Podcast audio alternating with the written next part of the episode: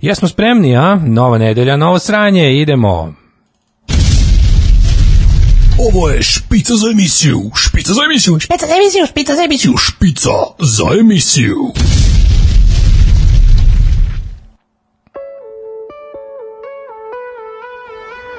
Yeah! Koji je danas Mart više, hoće li proći, nemam pojma više ni ja. Ove, nova nedelja, novo sranje, kao što je rekao voditelj Rodskog glasa u najavi. E, pa šta ima novo kod vas? Evo, napolju je onako, ne znam, jeste vidjeli kroz prozor, jeste bili do prodavnice i ostalo. Napolju onako u Novom Sadu oblačno, ima nekih desetak stepeni, uh, ulice su puste i onako što bi se reklo, um, paze ljudi, paze ljudi, da se tako kaže. Jel se tako kaže? A ovaj, preko vikenda mogli ste da slušate um, na ivici Offside, Migi se spremio za rad u kućnim uslovima, pa će i njegova emisija uskoro da ovaj, bude novo izdanje, nabavio nekom miksetu, nešto vidim da se baš da ozbiljno se ovaj, ozbiljno se e, zabarikadirao sa opremom. E, momci iz naivice da su bili tako divni i poštovali su našu, našu novo uspostavljenu disciplinu radnu ovaj, i rutinu koju, koju je e, predsjednik kolektiva i šef radne organizacije Daško Mlinić istakao na vidnom mestu. E, tako da ovaj, sve je dezinfikovano čisto, lepo, za radno mesto ostavi kao što si ga zatekao i ostalo. Ovaj, da vidimo gde ste vi meni šta radite. Ja, imali koga u čekaonici? Um, kaže, dajte neke serije za gledanje koje vrede, pričat ćemo danas malo i o tome. Pa onda neko ima macu koja se povredila, aha, to sam za vikend dobio na Facebooku, pa naši ovi slušalci iz Ledinaca imaju macu koja je povredila šapu, pa im treba neko, a to inače njihova maca, nego maca koja kod njih dolazi, pa se sad nešto nagrdila, pa ako neko hoće ovaj, da je pripazi, može da mi se javi, pa će da vas spojim, ako nisu to umeđu vremenu rešili, mačka vam je najbolje zezanje, a ne morate ni da je šetate. Ove, ovaj, pa kaže, štuj se kazuva iz iste kašike jeli, od istih bolesti bolovali, kaže drug đubre.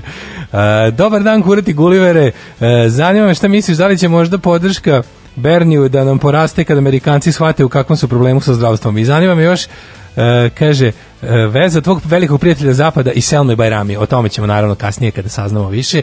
Priča se u estradnim krugovima da je to jedna romansa koja se rasplomsala kuhinskim putem. Um, pa kaže, nije Marti, danas je 90. januar. Pozdrav svim karantincima, karantantira i onima koji rade van kuće. Um, da, kaže, kako me poruka u kojoj te neko pita za mišljenje o sukobu Palestine Izraela podsjetila na scenu gde Bo Jack Horseman pitaju istom i umjesto ispada on zapravo ima argumentovano mišljenje a, a onda da jedan usere sve. Ove, ovaj, e, da, pozdrav svima koji, e, kao i ja, pate od klaustrofobije. Opa, zar ima i toga? A čekajte, klaustrof, pa nije klaustrofobija, baš stan, majkom, ako imate klaustrofobiju od stana, to je baš jako zajebano onda. Ali dalje možete da izađete na terase i ostalo, mislim, tako nešto. Više nisam nikad razmišljao o tome šta je, šta je u stvari, šta je u stvari klaustrofobija, koliko, ovaj, koliko malo je malo koliko prostora je dovoljno, to jest koja kubikaže je potrebno da čovjek počne da osjeti da ga zidovi pritiskaju. Mladen je klaustrofobičan, rećemo, ne baš sad nešto ekstremno, ali znam da, ovaj, na primjer, voli da, ako može da izbegne lift, izbegne ga, ne voli nikakve skučene prostore i nije baš nešto, ovaj, onako, ne osjeća se prijatno kada je u nekom, ali ja s druge, s druge strane, na primjer, baš volim i ideja, ideja nekakvog ušuškanosti i, i, i nekakve zavučenosti, podzemni bunkeri, male kolive u snegu, me to sve jako nekako sve suprotno, sve osjećam neku povećanu bezbednost, bezbrižnost i, komfor u takvim, u takvim okolnostima. Ove, kaže, srednji red, treća klupa prisutna, na jedan keksin u telu i da, radim. Danas je 46 godina od prve svirke Ramonsa. Nadam se da ćemo ih čuti u ovo teška vremena. Alex, e, Alex, čućemo Ramonse, ali pre toga ćemo da čujemo Last Shadow Puppets. Last Shadow Puppets sa njihovog prvog albuma Separate and Never Deadly se zove stvar. A kako se zvao album? Sad me ubiješ, ne mogu da se Ne, Age of the Understatement se zvao, da. Uh, slušamo Last Shadow Puppets, odličan band, znači band koji je kombinacija Arctic Monkeys i Rascalsa, a kao da su pod utjecajem Tome Zdravkovića, za koga verovatno nikad nisu ni čuli. When we walk the streets together, all faces seem to smile back, and now the pavements have nothing to offer, and all the faces seem to need a slack. There's an unfamiliar grip an unfamiliar handkerchief. Attending to the tears on cheeks I wouldn't notice. With you no matter how vicious the grief. Her expression was damp and crooked. Grass onto my throat and won't let go. Won't let go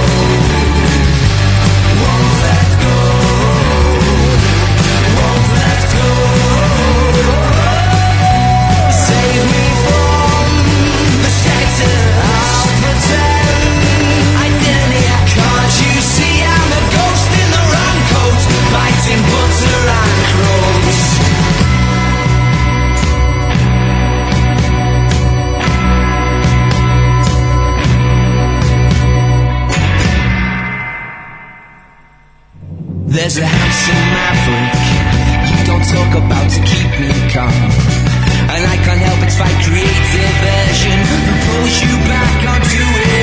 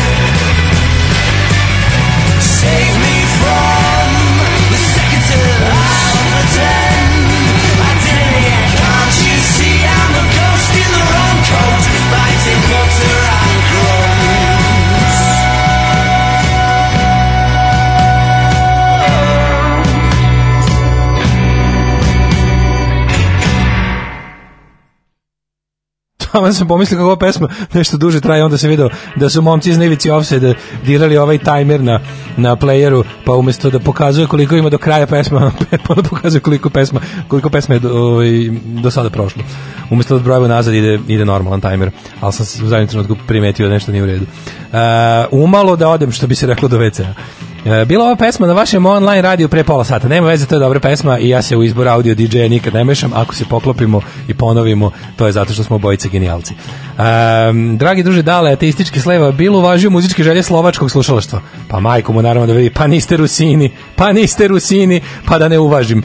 Ovaj, u pitanju je dobar punk rock, A, prethodno traženi Ine Cafe. Ine Cafe je odličan slovački punk band i naći ću ih. Ovaj, nemam ih ovde u, u, u našoj internoj fonoteci, ali sam ubeđen da ću da iskopam njihov ovaj, neki snimak kako se zvao njihov album koji sam ja imao, imam još uvek taj CD Lep Digipack sa super nacrtanim omotom. Ine Cafe, a album se zvao a ne mogu sada da se setim, ali setit ću se. Ja mislim, s njega ću vam nešto i pustiti. Aha, neko traži konkretnu pesmu. Okej, dobro. Biće, biće neka fe obećavam. Ove, kaže, moja žena je rođena na dan kada su Ramones održali prvi koncert. Sonja, ljubavi, volite tvoj da mraz, pozdravi za kurato kuvara i klozetskog aškaliju. E, kaže ovako, da se ja pofalim razredu, firma me baca na minimalac od prvog četvrtoga. Ako nekom treba senior recruiter, inače psiholog, radim remote i po kućama i kad prođe vanredno stanje, pozdrav s brda. Da, ovaj, kako bi se reklo, predivne, predivne, predivne, predivna situacija u privatnom sektoru. Znači, prolazio sam tu između našeg studija, moje kuće ima jedna onako firma koja bi se mogla nazvati jako uspešnom malom firmom. Znači, firma koja odrađuje jako velike i dobre poslove, bave se jako skupim Ovo neću da ih, neću da ih nikako, nikako, ni na koji način da ih pominjem, ali neko ko poznaje kraj, ko otprilike zna gde smo može da provali koja je to firma. Malo zaposlenih imaju jako lep poslovni prostor, jako lepo jednu kuću kojoj ovaj, svi lepo radi. Sad, prosto mi je bilo interesantno, sam čuo razgovor o, e, pre neki dan, da je to bilo u subotu, sam prošao i malo sam zastao da čujem razgovor, pa sam čuo isto priču kako ih, kako gazda od njih, recimo, ne znam, ima ih desetak zaposlenih, sve ih nešto šalje na minimalac, se otkazuje im ugovore, prebacuje ih na ono radiće neprijavljeni otprilike ili po ugovoru ili nešto, sve ono što su imali do, do 1. aprila će da im ukine. Znači, onda razmišljam kao, pa je moguće, da li je moguće da se prvo u takvim situacijama spasava kompletan komfort, da vlasnik preduzeća ne može da kaže, ok, ovo ne može trajati večno, ovo ne može trajati večno i valjda je recimo bolje da zadržim da, da, od- da odbacim neke svoje privilegije, neke svoje komfore, a da radnicima zadržim, svoj ljudima koji rade za mene, da zadržim manje više sve na normalno. Znači ono kao da bukvalno cečeš sve ono bez čega si i, i živeo pre nego što si postao gazda unosne firme, a da probaš da sačuvaš radnicima njihove plate i njihove ono što imaju, znači njihove umalo nekog privilegija, ali to su ono, to nisu privilegije, to su ono minimum minimuma radnih nekih prava i, i, i stvari koje ti pripadaju ovaj kao što su ono penzijsko invalidsko osiguranje koje uplaćuješ i tako to. Znači da ih držiš što bi se reklo potpuno u jednom legalnom radnom odnosu sa platom i iznosom plate na koji su prijavljeni. Znači nevero, neverovatno mi je da će znaš ono da, da će se žrtvovati prvo prvo radnici, prvo njihove plate, njihove ovaj njihova radnička prava da bi ostalo ostalo da bi se da bi dalje bilo bazena u kući, da bi dalje bilo Sent Morica zimi i Maldiva leti, da bi i dalje se vozio najbolji auto, da bi i dalje se sve porodici svoje obezbedilo onako veliko kao što su navikli. Da nemoguće da se ne može, znaš kao Zašto ne bi ti u tom periodu živeo kao tvoji radnici, onda bi sve ostalo isto i za radnike i za tebe, a posle će opet da se valjda pojavi profit i ono drugo što tebe izdvaja od radnika. Ali eto, ja bih ga, kao što sam hiljadu puta rekao, reći ću opet, valjda zato su to gazde firme, a mi nismo. Um, kaže, Ovaj zdravo, nemam čime da se pohvalim trenutno, ali sam prisutna. Uh, da, šta smo imali naj onako naj eh, najzabrinjavajućije koje nije ni reč, ja mislim, od po, poslednjeg puta kad smo se čuli, da, ovaj, predsjednik nam se ukazao dva puta, ono što je potpuno meni suludo, ja nisam mogao da verujem da ono sinoć kada je, ono sinoć kada, prvo su svi počeli da pričaju o tome po, po ovaj, po raznim internetima, eno ga opet nešto preti, ono, mo- moli, ali uglavnom preti, preti policijskim časom od 24 časa, to jest policijskim danom možemo ga slobodno nazvati, ono, jedan be, beskonačni policijski čas, pa ono, jedan eternal curfew, I ove, ono što je meni bilo interesantno je kako, pa čekaj, bre, pa rekli su nema danas konferencije za štampu, znaš, nemoguće, mislim, na kraju krajeva razmišljao sam oko dva sata je držao te konferencije za štampu četiri puta, pet puta nedeljno, mislio sam kao, znaš, više je valjda stvarno i ono, kao dosadno je, mislim, znaš, kao ja kapiram da se, ne, mislim, ni meni se pet dana u nedelji ne radi. Znači ono kao, ja jako volim, ja ja čekam da dođem ovde da pričam s vama i da vam puštam muziku, ali jedan, evo recimo danas mi se baš nije dolazilo. Nešto sam bio tako. Sam razmišljao kao, ili imamo valjda neki dan kad mu se ono, kad je u fazonu kao ili otkazat ću ili drago mi je što nemam danas ili tako nešto. Kad ono ne, jebote Boga, ono juče nije bila konferencija za štampu, ono juče on na sve ono što radi je došao još i u emisiju neku televizijsku, na privatnu televiziju, da još malo bude na televiziji. To je stvarno svaka ti čast, čoveče. Mislim, znaš, postoje stvari s kojima možeš se složiš ili ne složiš. Neke stvari te fasciniraju kao, kao izuzetno dobro ili kao izuzetno loše. Ovo me fascinira kao izuzetno loše, ali me fascinira. Mislim, toliko jednostavno imati volje da budeš ljudima pred očima da, da te ništa ne zasiti da to to je jedna potpuno ne može ne može da stane čovjek to je to je stvarno neverovatno i onda iskoristi tu priliku da jel mimo oficijalne konferencije za štampu ovaj da gostovanje na privatnoj televiziji iskoristi za najavljivanje još a, kao radikalnijih, još despotskih, još diktatorskih mera, a da bi ovaj to neminovno danas izazvalo paniku kod ljudi. Pazi, ono uopšte nije potrebno bilo da se nije potrebno da se to desi ili ne desi.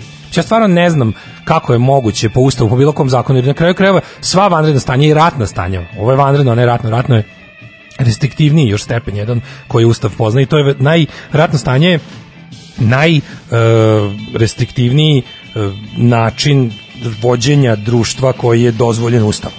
Znači ono što ono što nije dozvoljeno ni ratnim stanjem jednostavno nije dozvoljeno, jednostavno je uvek ilegalno. Jer on kao nakon ratnog stanja koje se nije vratilo nakon ratnog u mirnodopsko, verovatno prestaje država, jer ratno stanje se raspisuje kada postoji opasnost od sloma države i invazije države od strane druge države. Znači ovo nema veze s time, ovo vanredno stanje nije ratno. A međutim, mere koje mi imamo u vanrednom stanju se, su mnogo restriktivnije od nekih mera koje bi se uvele u, u ratnom i to je potpuno suludo i stvari koje ja stvarno ne znam kako po zakonu se može e, zabraniti ljudima izlazak iz kuće 24 časa dnevno. Koji bi to zakon omogućio? Nadam se da nećemo saznati i ne, i ne znam kako ćemo reagovati na tako nešto, ali mislim naš to je juče najavio sa sve onim kao ja nemam pojma ni šta kad je cijela rečenica i ceo nastup je bio potpuno onako uznemiravajući da on kaže pa dobro, ja ću uvesti dva, ja ću vam uvesti na 24. Na šta vojitelj kaže, pa dobro čoveče, kako to misliš da izvedeš? On kaže, nemam pojma, nigde to još nisam video. Ali uradit ću, pa ću kao ono, znate kako, ono, učim dok ono, izmišljam dok, dok, ono kao, I make up as I go. Kako bude ono teralo, ja ću tako uspod, mislim, to tako ne, tako ne može ni da se govori. Mislim, ja se nadam da, da, da neko više će povući ručnu i reći, aman čoveče, stani, ovo što si rekao već samo po sebi izazvalo danas kod ljudi paniku. Opet su ljudi navalili da kupuju ko blesavi, jer misle da neće moći više nikada da odu u prodavnicu. Znači mora se o tome valjda misliti. Meni je potpuno neverovatno da to stvarno niko nema da kaže. I da je tolika, da je klimoglavost toliko jaka, da da je jednostavno želja da se njemu niko ne zameri veća od bilo čega na svetu. Da niko od tih ljudi tamo, tih takozvane struke, struka se pita, od toga sam već dobio proliv. Znači ono kao, ta struka koja se pita, pa može ta struka da kaže, pa stani, stani, ovo što govoriš nije dobro. I ja biram reči, priznajem, da, rekao bih ovo mnogo drugčije, čekam da prođe ono omča oko vrata i, i ono da možemo da, da govorimo normalno, ali ovo stvarno više stvarno više ne, ne, mislim, ne, ne znam kako više možemo, kako, kako više da nam se oteža i ovako teška situacija. Ali verujem da će smisliti. Um, kaže ovako, e, kaže pun teren za basket juče, nema ko da povuče ručno. Večeras u 8 s prozora treba vikati A. Vučiću, eh? B. Vučiću Šinteru i po C. Mama. Ove, zdravo prisutni. E, kaže, E, zašto ti podržavaš državu i njene mere? Pa ja ne podržavam državu i njene mere, podržavam zdravorazumske mere, ne podržavam slepo sve što država tresne zato što je država se nalupetala kao što smo vidjeli u, u prethodnom periodu. Znači apsolutno je bilo penala, promašaja, stativa i ostali, bilo je mera koje su bile i direktno loše, bilo je mera koje su bile nedovoljne, bilo, bilo je mera koje ničemu nisu služile. Bilo je i dobrih mera ali ne mogu nikada i nikad neću reći ništa u prilog policijskim časovima i zabranama ovih vrsta. Znači ovo je jednostavno ovakvo ukidanje slobode ničemu ne služi i ne može da donese ništa dobro. Uh, kaže, si vidio Vulina uh, dodaje dušeke svojnicima po principu svi su jednaki, pa brzo trči da raspiše javnu nabavku za meranje rejtinga. Da, pričat ćemo malo o tome. Ovaj, random preporuka za malčice podnošljivu izolaciju, sipajte malo likera u kafu. Što bi se reklo, poirčite svoju kafu. Poirčite malo svoju kafu. Ovaj, uh, kaže ovako, Mm, dale diši, ljubim te. Volimo te previše, moram nam se čuvati u Zlikovci. Ajde, predeknemo malo, slušamo Johna Coopera Clarka, Conditional Discharge, pa posle toga Hold Steady.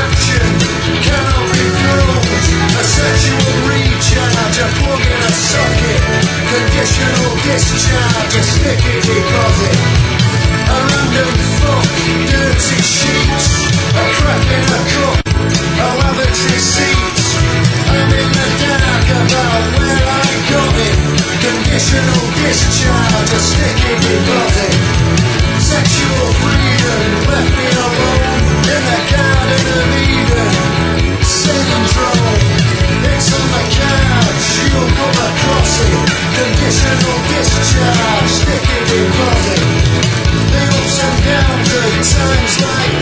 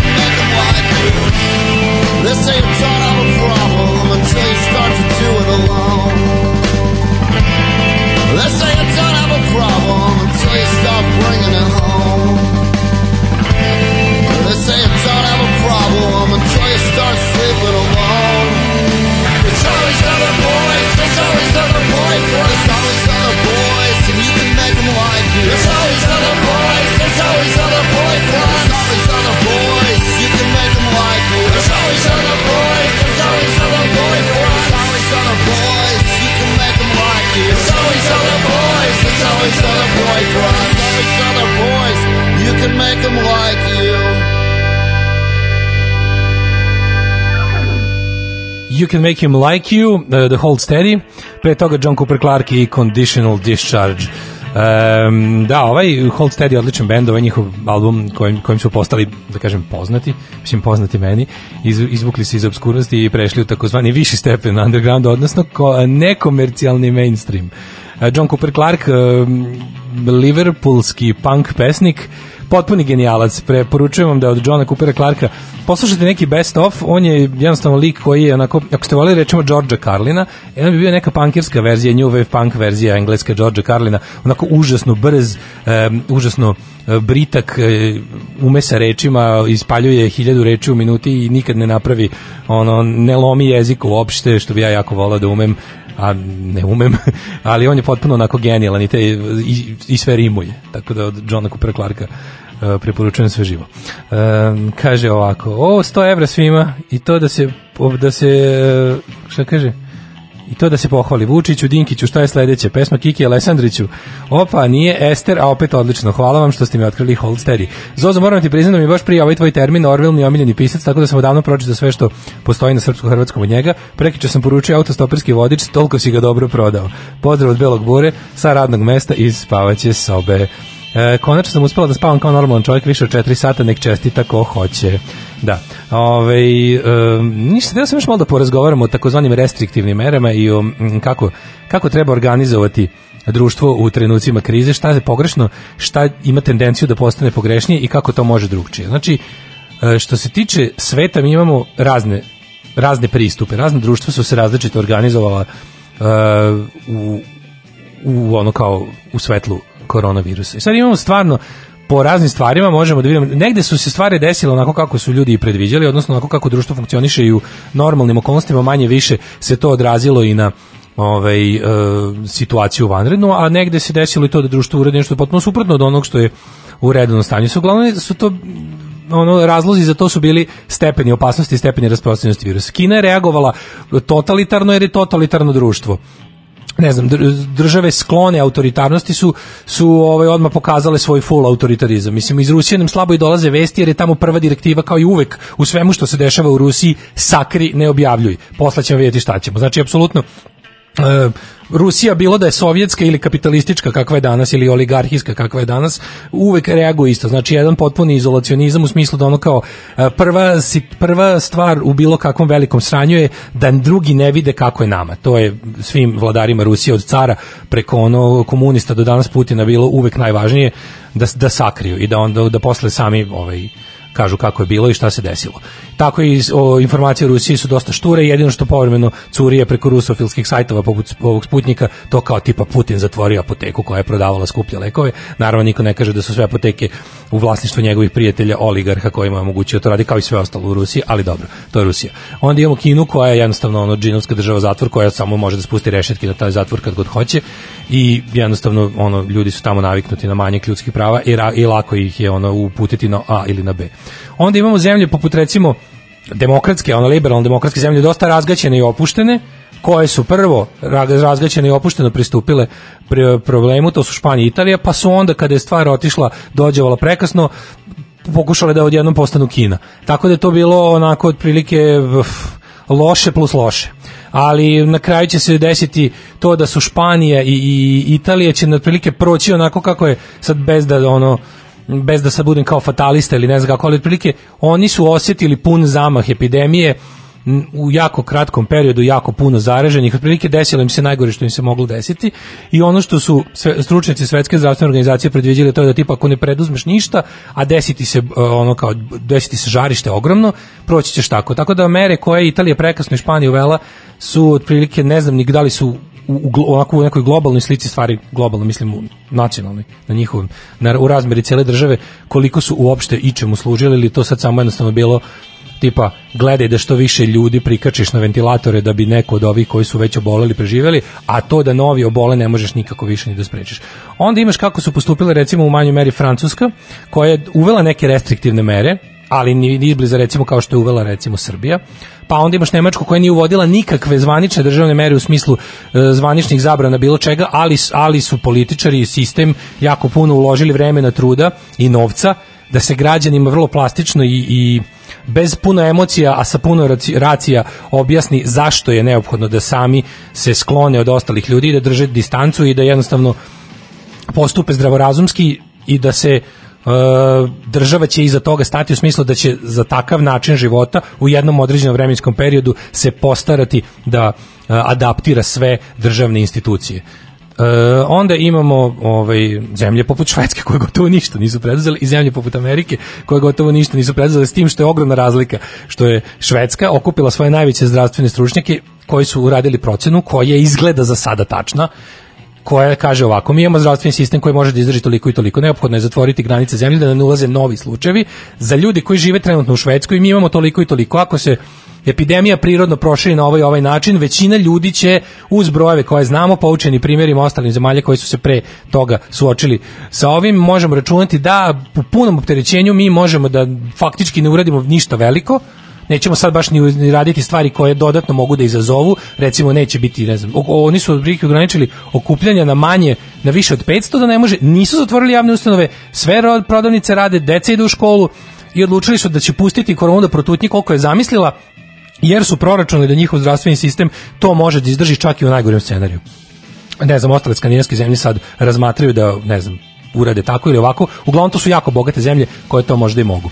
E, imamo onda primer Srbije koja je isto ušla dosta razgaćena u cijelu stvar. Prve dve, tri nelje kada se ceo svet pripremao, kada smo već znali, Kina je već postojala skoro mesec i po dva, ovaj, e, Italija se već pojavila, mi smo imali ono dočekali smo to spušteni gaće učkur oko kolena i potpuno smo bili onako e, i onda je nakon toga se desilo sledeće. Kada se shvatilo da naš zdravstveni sistem je gotovo nepostojeći i da ljudi koji bi nahrlili u te bolnice u, u slučaju velikog sranja bi primetili da tih bolnica nema e onda je krenula panika i frka. I ono jedino što može se uraditi krenuli su krenulo se đonom krenulo se batinom krenulo se e, krenulo se pretnjama, krenulo se širenjem straha i panike, potpuno suluda jedna ovaj, e, kako bih rekao, strategija, ali mislim, radi se o tome da e, Srpska napredna stranka vlada ovom zemljom već 8 godina.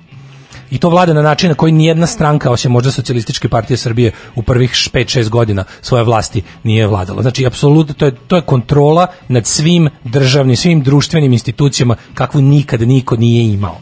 I to je jednostavno, e, sa takvom kontrolom svega u društvu dolazi i sa potpunom kontrolom dolazi i potpuna odgovornost. Srpska napredna stranka je sama na sebe stavila odgovornost za sve u ovom društvu jer se ugurala u sve živo. Ne postoji ribolovačko društvo u kojem njihov član ne vedri i ne oblači. Ne postoji kućni savjet u kojem njihov član ne odlučuje. Tako da sve što u ovom društvu je trenutno zakazalo i nije dobro je na odgovornost te stranke koja kontroliše apsolutno sve aspekte našeg društvenog života njihova nesposobnost je njihova nesposobnost. I sve, sve njihove, e, kako bih rekao sada, ove stvari, ova, ova pretnje, pretnje zatvorima za sve, pretnje neizlaženja, policijski čas od 24 časa i to, to je sve sada samo doprinosi da se situacija učini još gorom i jednostavno e, stvari koje su oni propustili da urade za 8 godina, to što, to što za 8 godina nije popravljen ni, ni, nikakav zdravstveni sistem na način da se može suočiti sa bilo kakvom većom epidemijom i slično, to su jednostavno stvari za koje oni ne mogu da optuže nikog drugog. I ta priča da su uspesi, mi, a, kilometri autoputa, e, one limene hale na obodima gradova u kojima fabrike dolaze za nenormalne subvencije, ovaj, upošljavaju jeftinu radnu snagu i plaćaju ih bedno za najgore poslove u razvijenom svetu, to su uspesi. A znači sve živo, sve ono što su što je ono što se na bilo koji način može predstaviti kao uspeh, to je zasluga ovaj e, takozvanog jel nove Srbije koja postoji od 2012. koja se eto diže iz pepela od onog užasa koji nam se desio od 2000 pošto je 2000 bilo isto super, pre 2000 bilo isto super. To su znači a ovo što su ovo što ne što nije dobro, kao to što kao ljudi nisu dovoljno u kućama, sve to što se što se pojavio taj što nema socijalne svesti, što je što je javašluk ovakav ili onakav, to je eto do našeg mentaliteta i eto mi tako ne voljamo i niko živi ne može da nas nauči. E pa nije baš tako.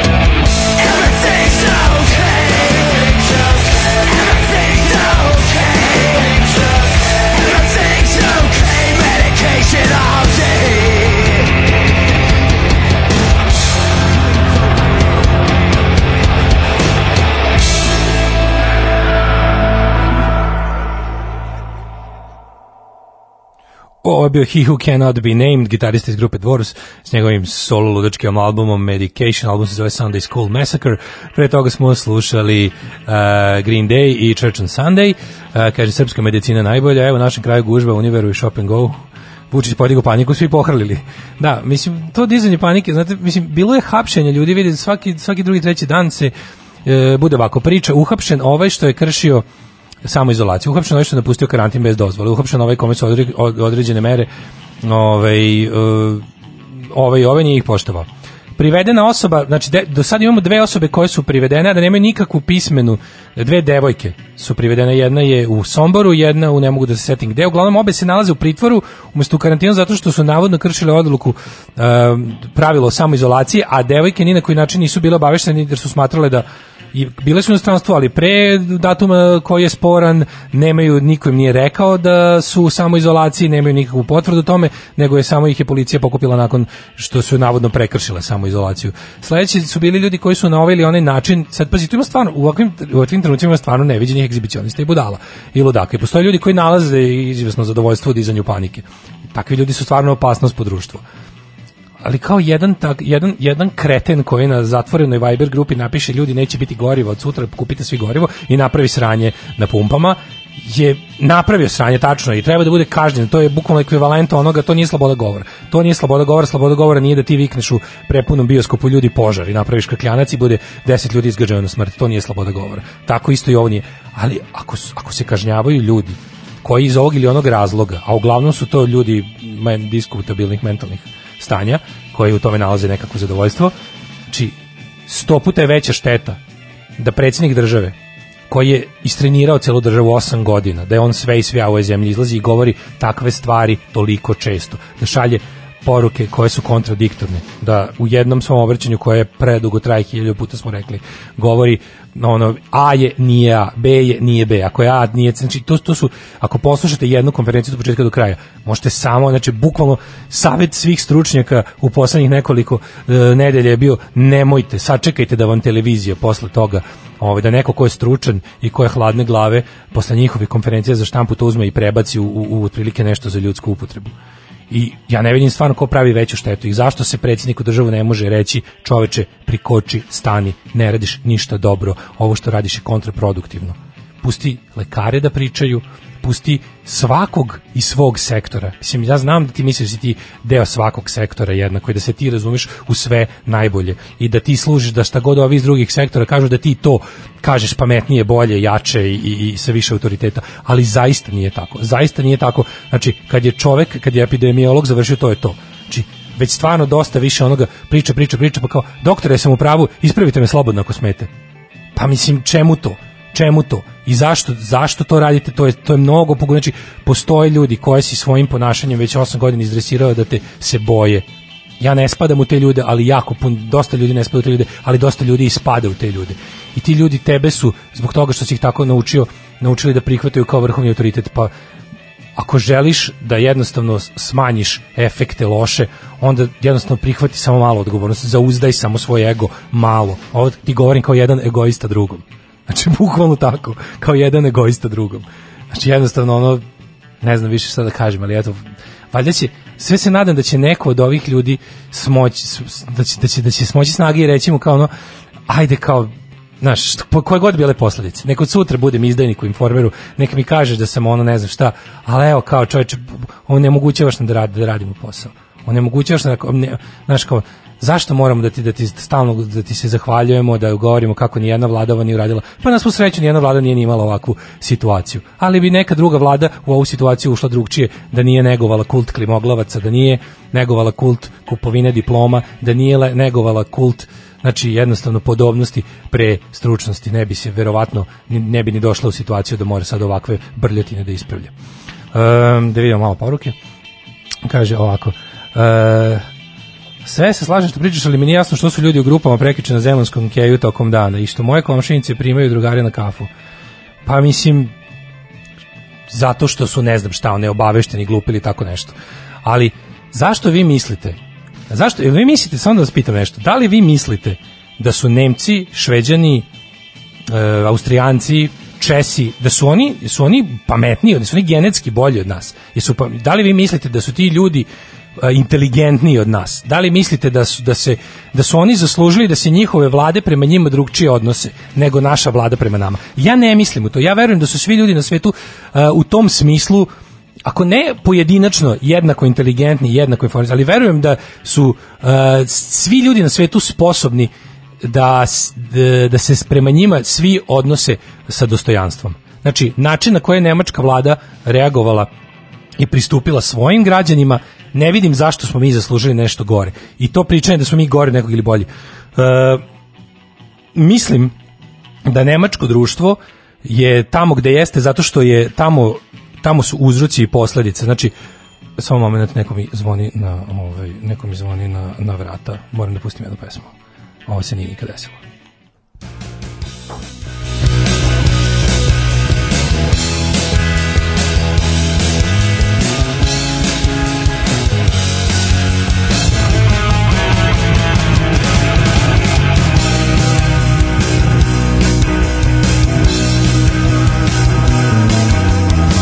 My soul,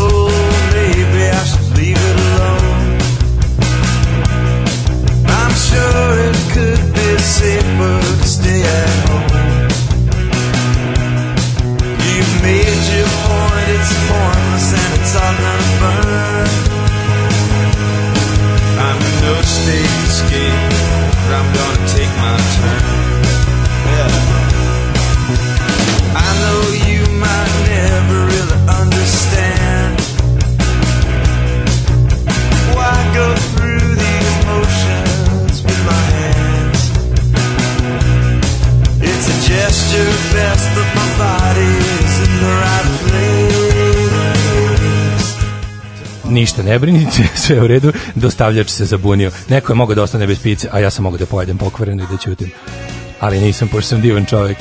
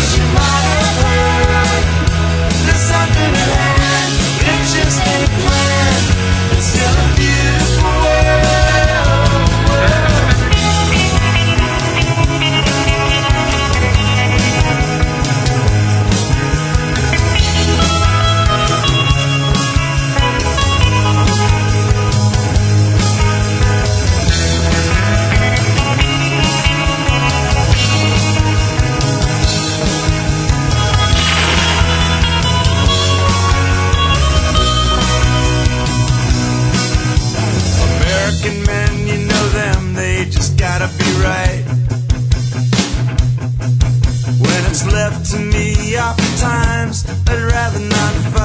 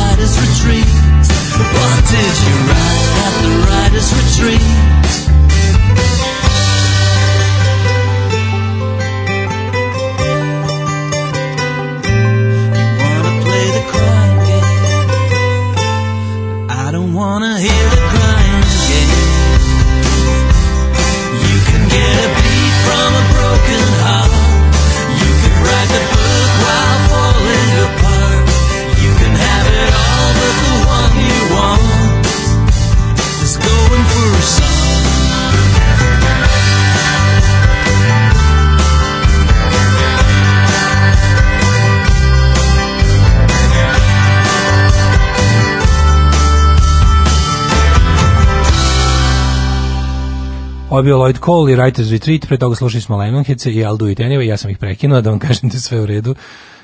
Ne znam ljudi, mislim, moramo se osloboditi straha, ovako se, ovako se ne može živjeti, ovo nije, mislim, dobio sam sad od vas 50 poruka u kojima misli da neko došao i uhapsio me, to je, to je, to je tužno, to je, ja nisam uradio ništa da bi se to desilo, razumete? Nisam uradio ništa da bi se to desilo i strašno je što svi misle da, da svi stalno možemo da budemo lišeni slobode. Za tri nedelje smo, smo odbacili potpuno slobodu. Za tri nedelje smo počeli da verujemo da mi nismo razumni ljudi i da nama treba samo čizma i, i, i, i noga u zube i da samo to razumemo. To nije tačno, tako ne smemo da razmišljamo.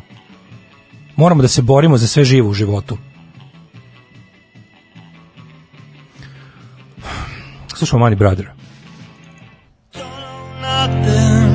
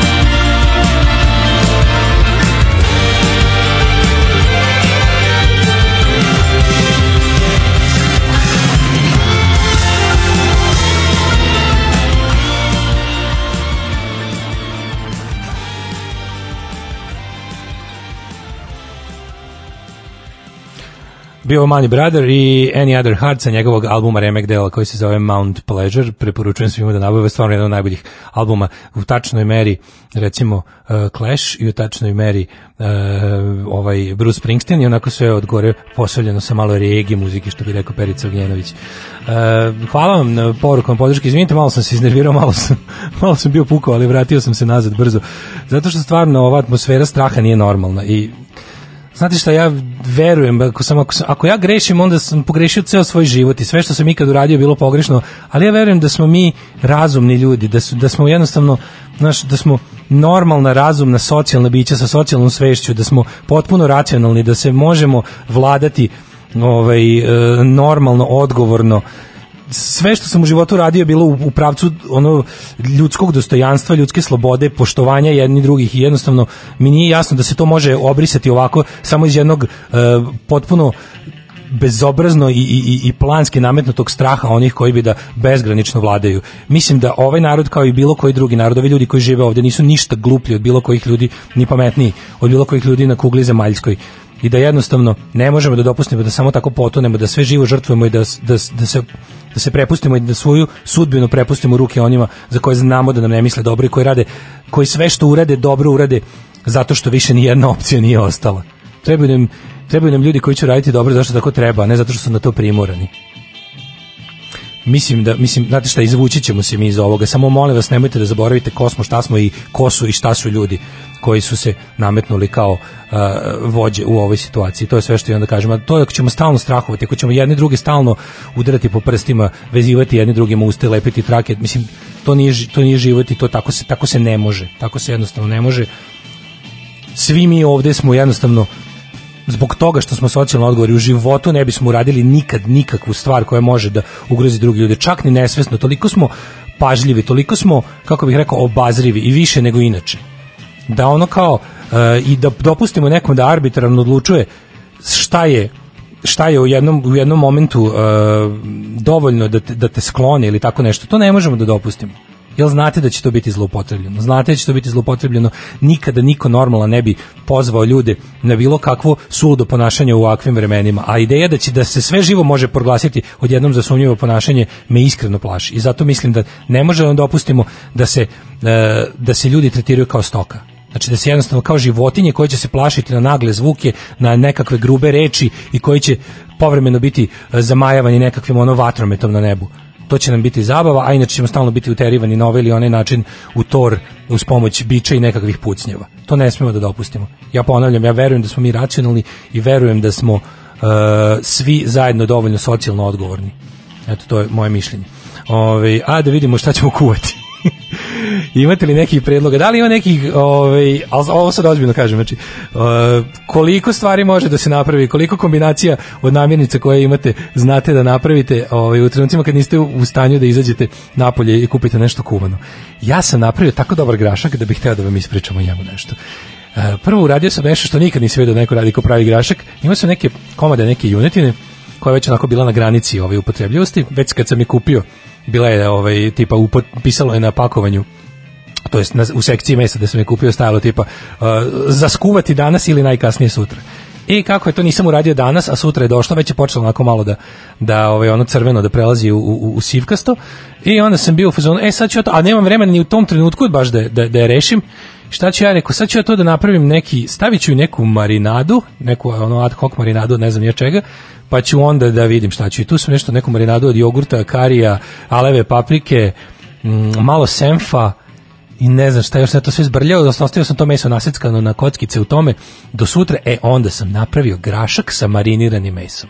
To je bilo potpuno genijalno. Tako da, ovaj, znači, grašak kao što biste ga inače napravili, onaj sa on, luk, dodaš mesto dinstaš, dodaš posle neko voliš šargarepu, ja prezirem, ovaj, bez šargarepe, dodaš onaj grašak. E da, inače primetio sam da je, ako i postoji nestašica nečega u prodavnicama, to bi svakako bio grašak. Znači, grašak onaj zamrznut, je malo jeftiniji, nema ga nigde. Sve živo stoji, znači i kineska i carska mešavina, i, kukuruzi, i bola, boranije, brokoli, koji jede brokoli, e, žuta boranija, zelena boranija, mešavina za đuveč, samo sekcija da je grašak je prazna.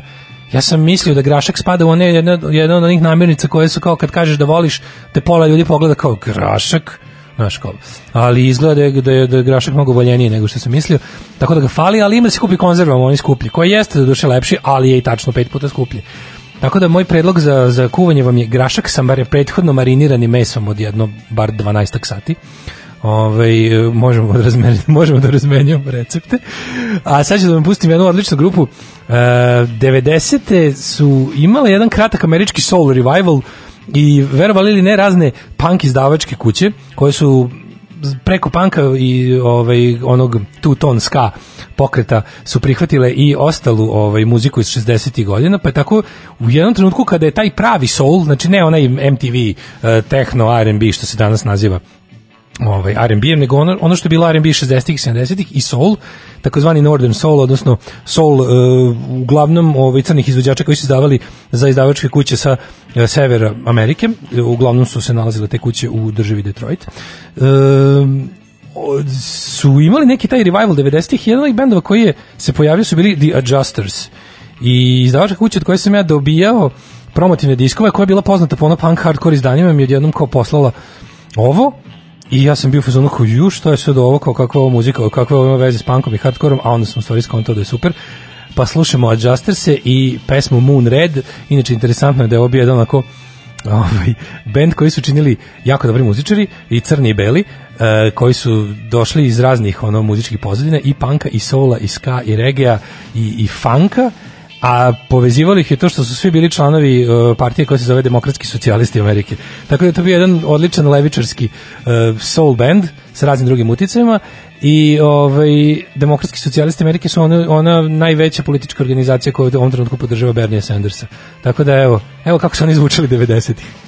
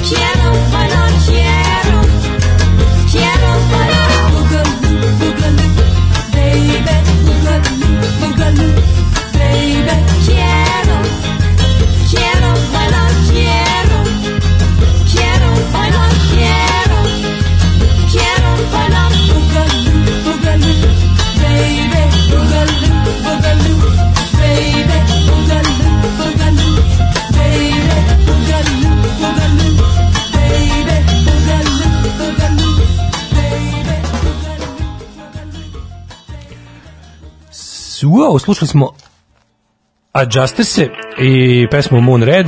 Ako to nama došao? A, dobar dan, dobar dan, kako ste? Kad se sme napolje, ko sme napolje, kad se vodi pas? Napolje je ukinuto. Ko ne sme na... Jel ima to, jel to, ja ne znam kad mi možemo, kad mi što smo 40 plus sisati, kad mi možemo da A, izađemo? napolje je ukinuto do daljnjeg, ovaj, morat ćete se zabaviti napolje. iz vlastitih resursa. Mladine, Dobro. imamo ozbiljnu situaciju, nigde nema graška. Evo sad ja sam se požalio da ne mogu da kupim grašak i da je to jedina stvar koja a, zaista nedostaje u prodavnicama. I da Ne, ko kaže da ima graška laže. Ne, nema kvasca. Znači, to je sigurno da nema. Znači, prodavačica u prodavnici je rekla sledeću rečenicu, lakše ćeš naći heroin nego kvasac i umrla od smeha. I prodavati heroin. I pitala ćeš da kupiš I sad heroin. kuvamo, i sad pravimo hleb od heroina. I to smo uzeli tip 500 oštri da nas baš onako udari jako. Kaži mi, mladine, da li bi mogao jedan aforizam odmah da baciš na početku? Ja sam danas nešto bio, imao sam baš neki skurcan moment, ovako sramota me što sam ovako bio opao, ali bukvalno Pa je bilo, bilo? pa bilo je ovako, pa bilo je moment, pazi, pozvonio mi razvo, raznosač pica na, na, ovaj, na vrata, ljudi su si došla policija, došla policija, ljudi su počeli došla policija da me hapsi. Eto, do, dokle smo stigli. Ali napravili smo light verziju, muzički tobogan, A to ovaj, ti gde kažem. ti više ne pričaš ništa protiv nikoga, Ma sve nije, je ne, fino. znaš mene, nikad ne bi ja. Ma debre, pa znam ja ono, pa to, mi smo, mi smo uzeli, ocikli penise i ostavili ih u tegli kod kuće. Tako da sam bio, nema. tako da sam imao potpuno moment, o jebem ti život, smo sad svi počeli da se plašimo svega, pa sam imao ono jedan onako down moment, pa mi treba jedan tvoj dobar aforizam da me, da me Kako da ne, kako da ne. Uvo, čekaj, samo moram da imam i ovaj muzički intermezzo. Može. Tan, taka, taka, taka, taka, taka, tan, tan, taka, taka, tan. Uvodi se nastava za decu preko televizije, a za roditelje samo jedan čas. Policijski. Crko da Bog da. Dobar, jel da da? jel da, Odličan, odličan. jako. Ja, ja, njih sve, ja njih sve zapisujem, samo da znaš. ja sam ih istetovirao, tako mi je lakše, pošto hemijske nemam, potrošili smo je igrajući džambo, tako da ne znam, mi smo baš ono u, u, u groznom stanju. Jedino me vadi kad se pojavi naša lepa epidemiološki nji, nji, nji, nji, svakog dana u tri sata, naša tetka teta, ja onda to lepo odgledam. Ne čujem ja ni ko je stradao, ni šta je bilo, jer ne mogu da čujem od gledanja, razumeš, ali jel ti isto voliš, jel voliš da vidiš? Ja ti kažem, imao sam jedno vreme jednu kratku dilemu koju su mi slušalci isto nametnuli, to je da li je bolja Ivana ili Darija, međutim, e, tetofilstvo je pobedilo. Tetofilija, bolest najmilija. Teta, ma znaš teta, da- teta, tetka teta i kad, kad, kad, kad, kad saopšti letalan ishod lakše je. Jeste, istina je stvarno, tako? stvarno istina, nego sam, teo sam ti kažem ovaj, Pa da. nešto drugo, a to je, da A tu i tamo zavrebaju i konove uši, tako da ovaj, gledanje može duže da traje. to je istina, postoji taj odlagač u kadru, Odlagač, nego sam da, drugo da, nešto da, teo da. da te pitam, da li si ti svestan da je tetka teta samo dve godine starija od tebe? Nemoj me zezati. Da, Darija je 75. godište, a ja sam još nešto primetio, ja sam pričao, primetio Pa onih- sad sam, A? sad se manje pali. Pa znam, ali, ali ja ne, recimo, meni je to, to je prednost moje mladosti, znaš. A jo, pa tebi je lakše. A drugo jo, nešto sam samo teo još da ti dve godine kažem. stariji od mene, Samo ozbiljno. dve godine, da, da, mogli ste čak ići u isto obdanište. Mogli ste, Pa ali da si, sise ne čoveč. još dva, da, još dva, dve nedelje ovakvog ovaj, režima, Da, dobro, verujem da ćeš dobro. stići. Ono. E, a Dobro, kaži, dobro, kad si skontao, ja sam, pazi kako sam ja super skontao, kad sam slušao kako priče, ima nešto, ovaj, e, onako, kad govori zavreba, malo je zavreba, onda znaš, ono, i onda sam ja tu slušao i slušao, slušao i odem na Wikipediju, vidim da je rođena u Sarajevu i da je odrasla u Sarajevu. Rajevo sad. A ima, si primetio, ti si primetio, nisi primetio u govoru. Pa ja sam to analizirao. Ti si baš upućen u, u, u, u, u sve aspekte e, strane Darije. društva, Znači, baš si gleda. Ja Dobro, sam od Darije, ti da slušaj, ja sam od Darije e, bukvalno sve, sve izanalizirao osim bilo čega o virusima i epidemiji. To ne slušam. Dobro, pa i to nećemo preterivati, nema potreba. Tu je doktor Kon za to. tu je doktor Kovi što bi se reklo. Znači, jel imate graška kod kuće, to mi kaži. A, graška mislim da nemamo, nema ga nigde, ne grašak je, ne graška je nestala. Inače, ja kad sam bio klinac, ovaj, dok smo bili imućni imali vikendicu, onda je moj komšija Čika Bora, ja sam ovaj, bio jako mali, on bi meni rekao, mlađe, ćemo da idemo da krademo graške, onda mi siđemo dole u baštu i on mi ovaj, nabere graške i ja jedem. Mene ću obožavam da jedem grašak, Sirov grašak, grašak. onako izmahune. A jeste imali, Izmahune. jeste imali Da ritual porodičnog čišćenja graška? Sednete ti, baba i ne? keva i onda... Kako ne i udri, Da. udri. I boranije i graška, pa to se znalo. Ja sam voleo onda uvijek da pojedem onaj najmanji, taj mi je bio jako sladak. I taj jeste realno bio najslađi uvijek. Jeste, kad se otvoriš Ovaj, grašak, a ono neki malo bolji grašak sa pet kuglica i jedna mala. Da, i jedna mala, tu jednu malu pojedeš, bog, i onda možeš malo i stomak da te zaboli, ali to su bila ta vremena pre korone. Kad se je to, bilo da, pričat ćemo deci o tome. Ba, to se prijateljstvo, to se zezao. Sad se gine na Wolfensteinu, ne znam da li ste pozvali. E, šta, Zove- radi Wolfer? Nisu, vidiš. Wolfenstein dobit ćeš pod mene večeras poziv. Ovi, meni nešto kompjuter zeza, ali o, ja baš krenuo Feđi da pričam o tome kako sam stradao. Kako bio ratu, ono, da. Kako sam bio u ratu u igraonici i da mu pokažem stvarno, tako da ekipa je opasno krenula i zakuvalo Sigma 10 ljudi, naših starih prekaljenih boraca, prošli Španiju, prošli Italiju, prošli Afriku. Prošli Španiju, prošli Italiju i ostale epidemiološke ovaj. i sve ostale da ove delove tako da ove tako da hoću ti kažem da možeš i uveče da nastaviš da se zabavljaš u nedogled kad ti prođe tetka teta E, pa to je svaka čast. Znači, večera se vidimo u ratu, a? Da večeras od 21 ide ovaj fight na Wolf Wolfju E, ovaj u- bićeš obavešten U ovaj iščekivanju novih aforizama, mladene, ja te za Da, danas da. pozdravljam, vrati se svojim Važi. neverovatnim kućnim obavezama, kojih Hoću. preverujem, preko milion. Hoću, hoću, naravno, naravno i po, pokušat ću da ti nađem grašak, eto to će biti ovaj plan. Dobar si Za čovjek. Hvala ti, mladene. pozdravi sve. Pozdravi sve u kući i svu masu koju poznajem. Ovaj, Važi, pozdravi sve koje znam. E, Ćao. nema problema, čao. A, a mi slušamo Manic Street Preachers i posle ćemo da pričamo malo o njima.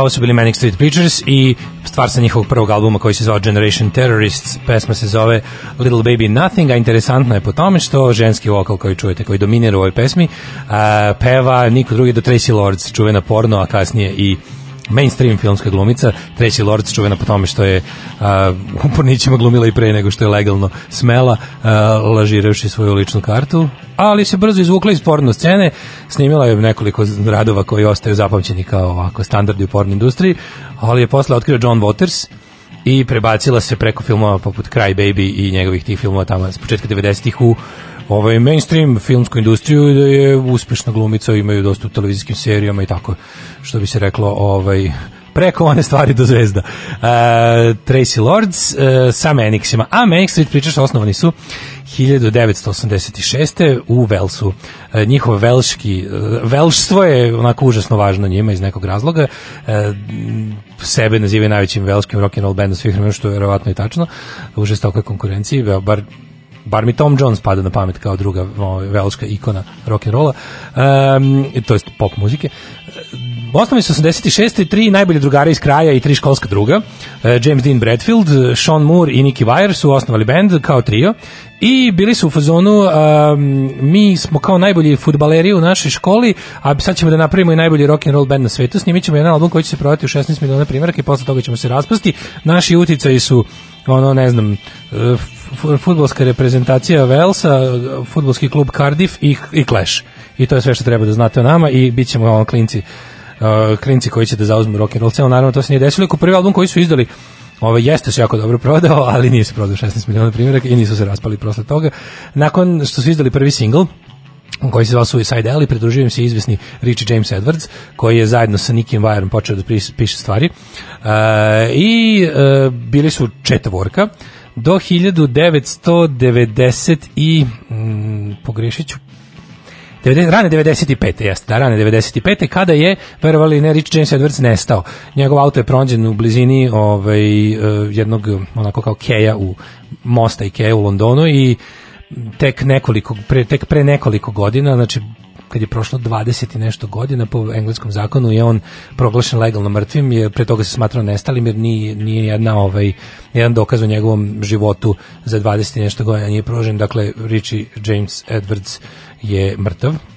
Um, što se tiče zakona. Njegovi drugari iz benda, ova trojica, trojica i originalni članova su nastavili da ovaj, sviraju i sad ja moram kažem jednu malu onako blasfemiju, ali Menixi bez Richija Jamesa su meni bolji od Menixa sa Richiem Jamesom, zato što iako je taj njihov najkritički hvaljeniji album koji se zove Holy Bible i koji je njihov treći album po redu, ako se ne varam, mislim da je treći, može i četvrti, ali uglavnom ovaj, e, treći je Holy Bible koji je onako bio dosta mračan, dosta onako e, pod uticajem po meni dosta e, nirvane iz tog perioda je bio kao ono što je njih svrstalo u te kao užasno velike i pametne rock and roll bendove, ali ja sam uvijek više voleo način pisanja pesama Miki Wire, basiste, onog visokog, lepog momka koji je zapravo glavni ovaj tekstopisac benda i u, čak i većinu muzike je pisao, ali ništa to naravno ne bi bilo tako bez ovog fenomenalnog i prepoznatljivog vokala Jamesa Dina Bradfielda i njegovog super sviranja gitare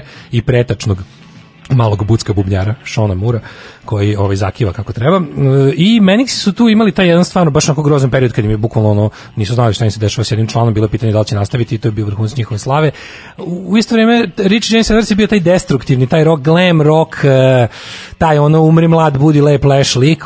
Ostale trojice su bili više onako e, u fazonu, ha, malo više su bili Clash. Odnosno, imali su tu misiju ovaj, političku, socijalno-političku u svom bendu. Backstreet Preachers su bili uvijek prelep, uh, lirski, onako ako se ne bi udubljivao previše u sadržaj uh, samih tekstova, pomislio bi da je to još jedan bend koji tako pra, peva lepe ljubavne pesme. Zapravo njihove ljubavne pesme kojih ima u odnosu na broj svih pesama jako malo, su i čak i one same su uvek protkane nekakvom progresivnom komunističkom porukom, jer sva trojica sebe smatraju Marks, sva trojica sebe smatraju ubeđeni marksistima ceo život, dolaze iz radničke klase, iz rudarskih porodica e, i jednostavno su pored pored toga su uvek bili u fazonu protiv engleskog imperializma, uvek su, kao što sam rekao, isticali to we are Welsh, not, Brit, not- English, not British nikako.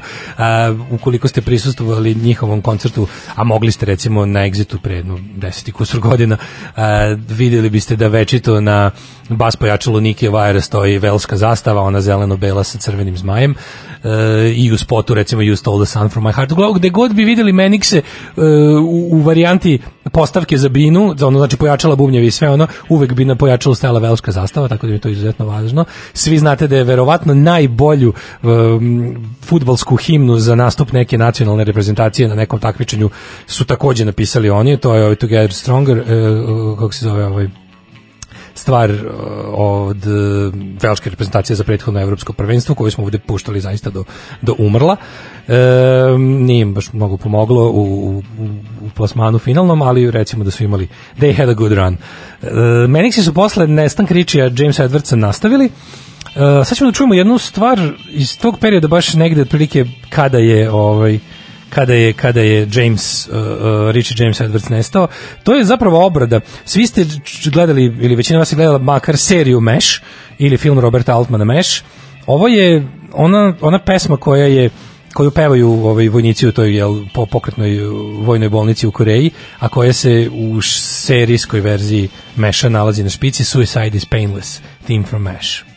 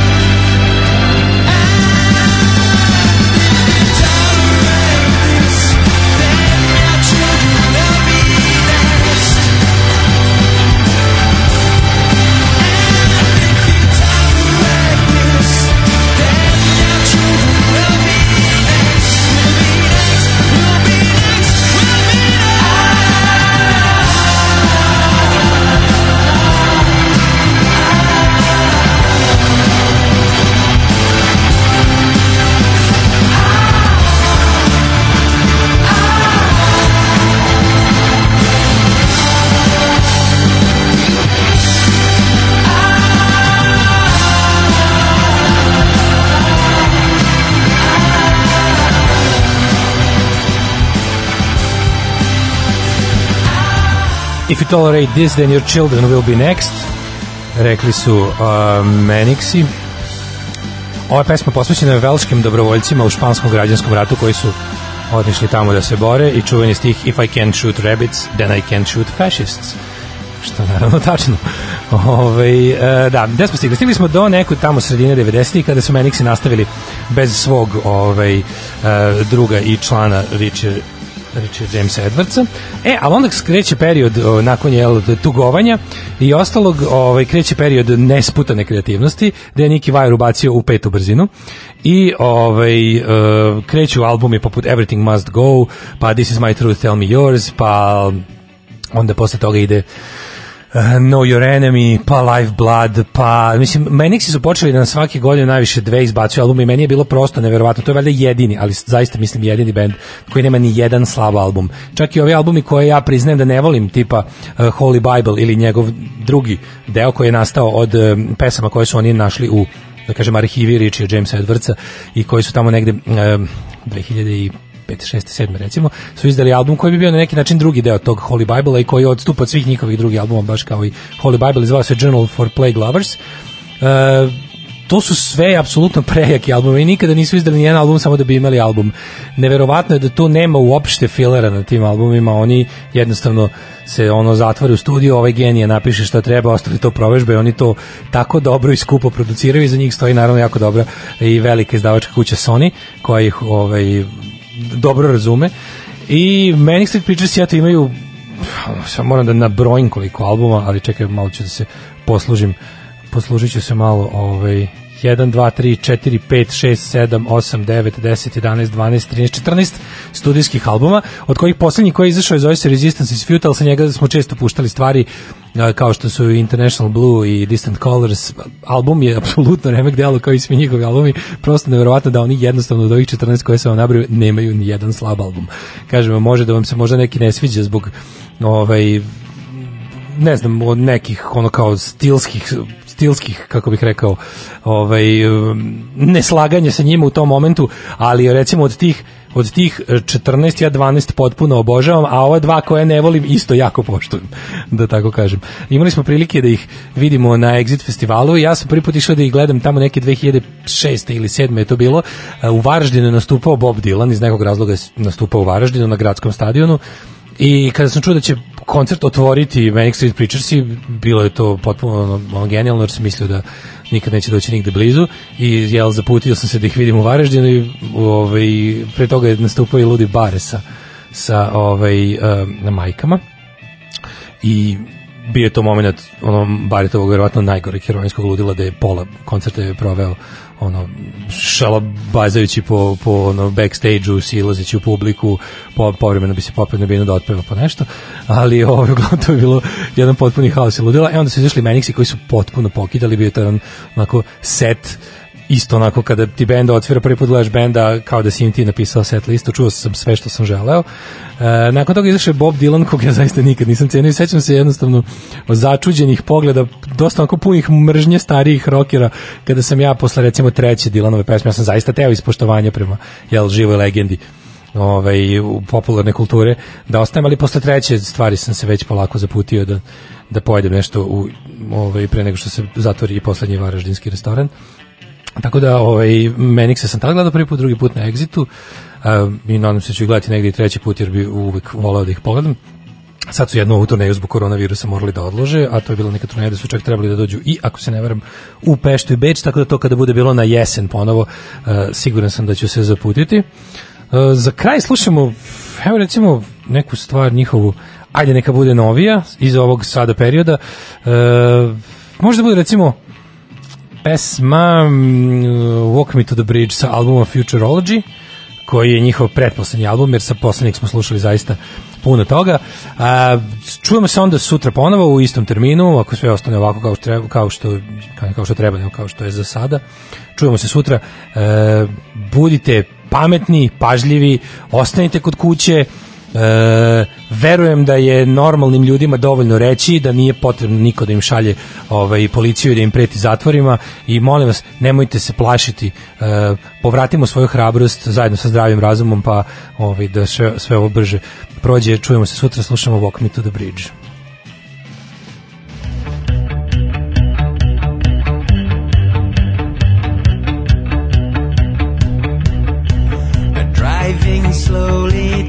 the bridge with nothing left that we can give.